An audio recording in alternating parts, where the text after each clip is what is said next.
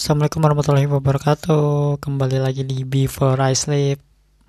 Oke, kemarin saya sat, sempat jeda satu hari bikin podcast. Ya karena menurut saya uh, nggak nggak seharusnya saya bikin podcast setiap hari karena saya bikin podcast kan berdasarkan ke ada atau tidaknya kegelisahan dalam diri saya sedangkan kegelisahan itu memang kegelisahan itu ada tiap hari cuman kayaknya terlalu pendek kalau misalkan diceritakan setiap hari. Jadi kayak kalau misalkan saya bikin podcast ini dua atau tiga hari sekali kegelisahan saya bisa dikumpulkan dalam satu satu episode podcast. Dan kegelisahan itu bisa lebih kuat dibandingkan harus bikin podcast setiap hari yang kegelisahannya kecil-kecil aja gitu. Jadi kalau misalkan tiga hari sekali terus setiap hari ada satu kegelisahan artinya dalam tiga hari itu totalnya berarti saya punya tiga kegelisahan. Dan tiga kegelisahan itu bisa saya ceritakan dalam satu episode podcast. Maksud saya itu seperti itu itu jadi satu episode bisa sedikit lebih panjang. Minimal sih ya 10 menit aja lah ya. Ini kan ini kan nggak terlalu di apa ya ditekan banget buat uh, dijadikan apa ya, komersial semacam komersial gitu. Ini cuman sekedar curhat aja. Yang pada tujuan awalnya yaitu ya untuk melatih saya berbicara. Itu aja sih sebetulnya. Nggak lebih dari itu gitu ya. Nah nah kali ini saya bahas tentang uh, menuju satu bulan menuju masuk kuliah lagi. Terus ini masih ada hubungannya dengan menulis seperti episode-episode sebelumnya.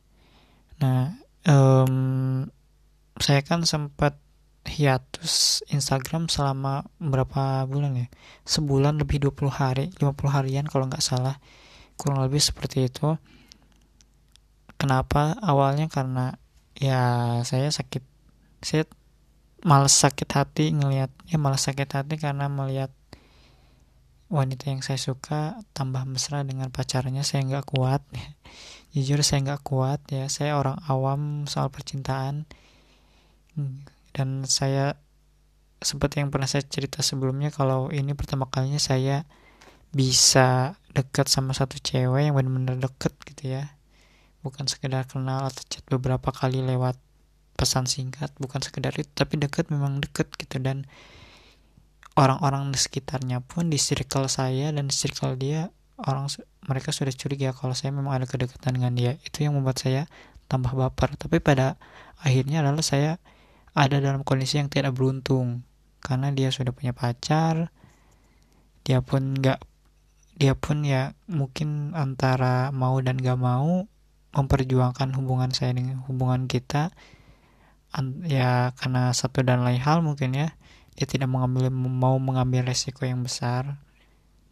Untuk saya mungkin jadi orang ketiga di antara hubungan mereka ya emang terlalu beresiko sih.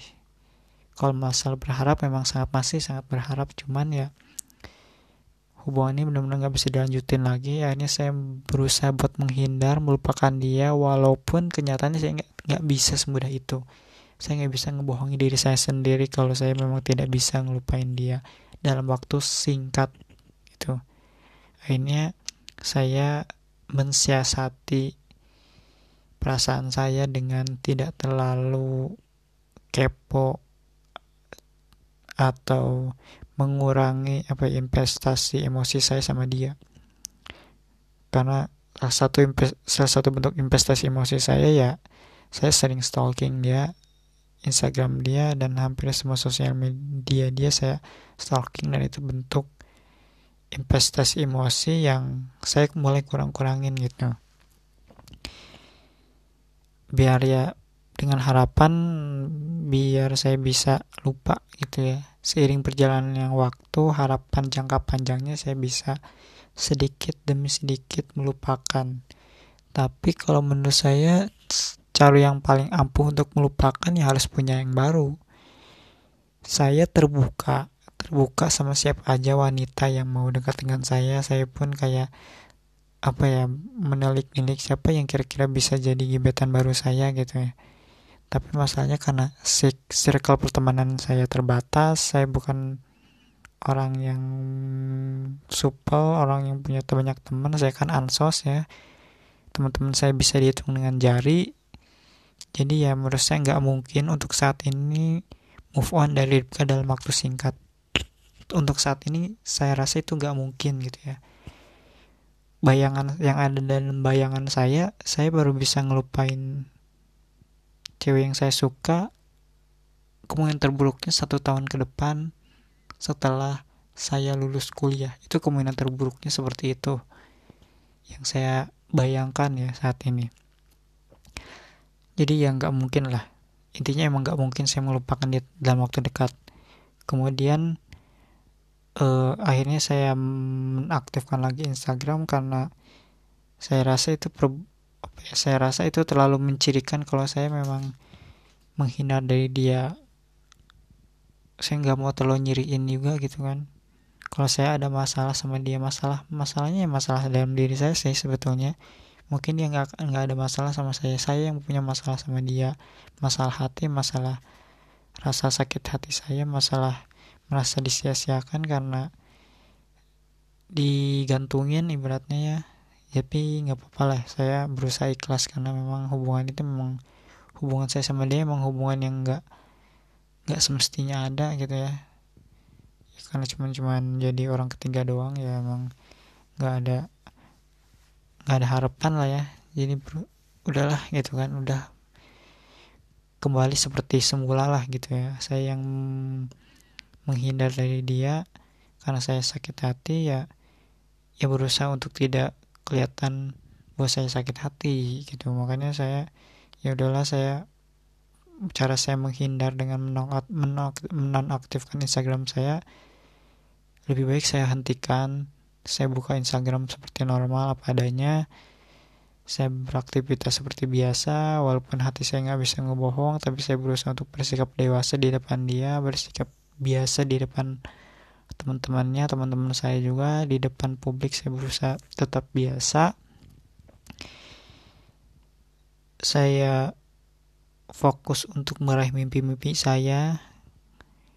Itu juga jadi salah satu bentuk pengalihan saya biar saya tidak terlalu kepikiran dia juga ya. Dengan apa? Dengan menulis ya. Apalagi kan itu kegiatan yang saya uh, konsisten konsistenkan sampai sekarang. Terus saya punya uh, jadi kayak saya punya waktu satu bulan kurang lebih satu bulan ya 20, 28 hari lah 28 hari menuju masuk kuliah lagi. Dan saya mau kembali seperti semula.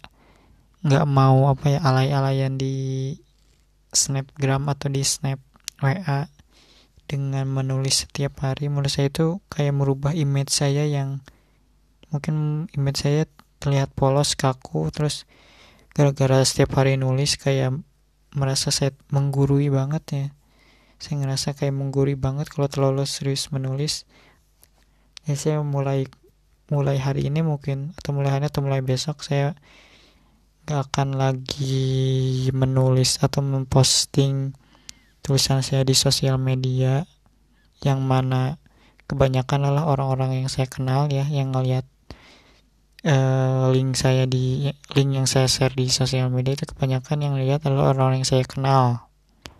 Jadi nggak mau ya saya mulai sekarang mulai hari ini atau besok saya udah nggak akan uh, ngirim link lagi ke sosial media saya.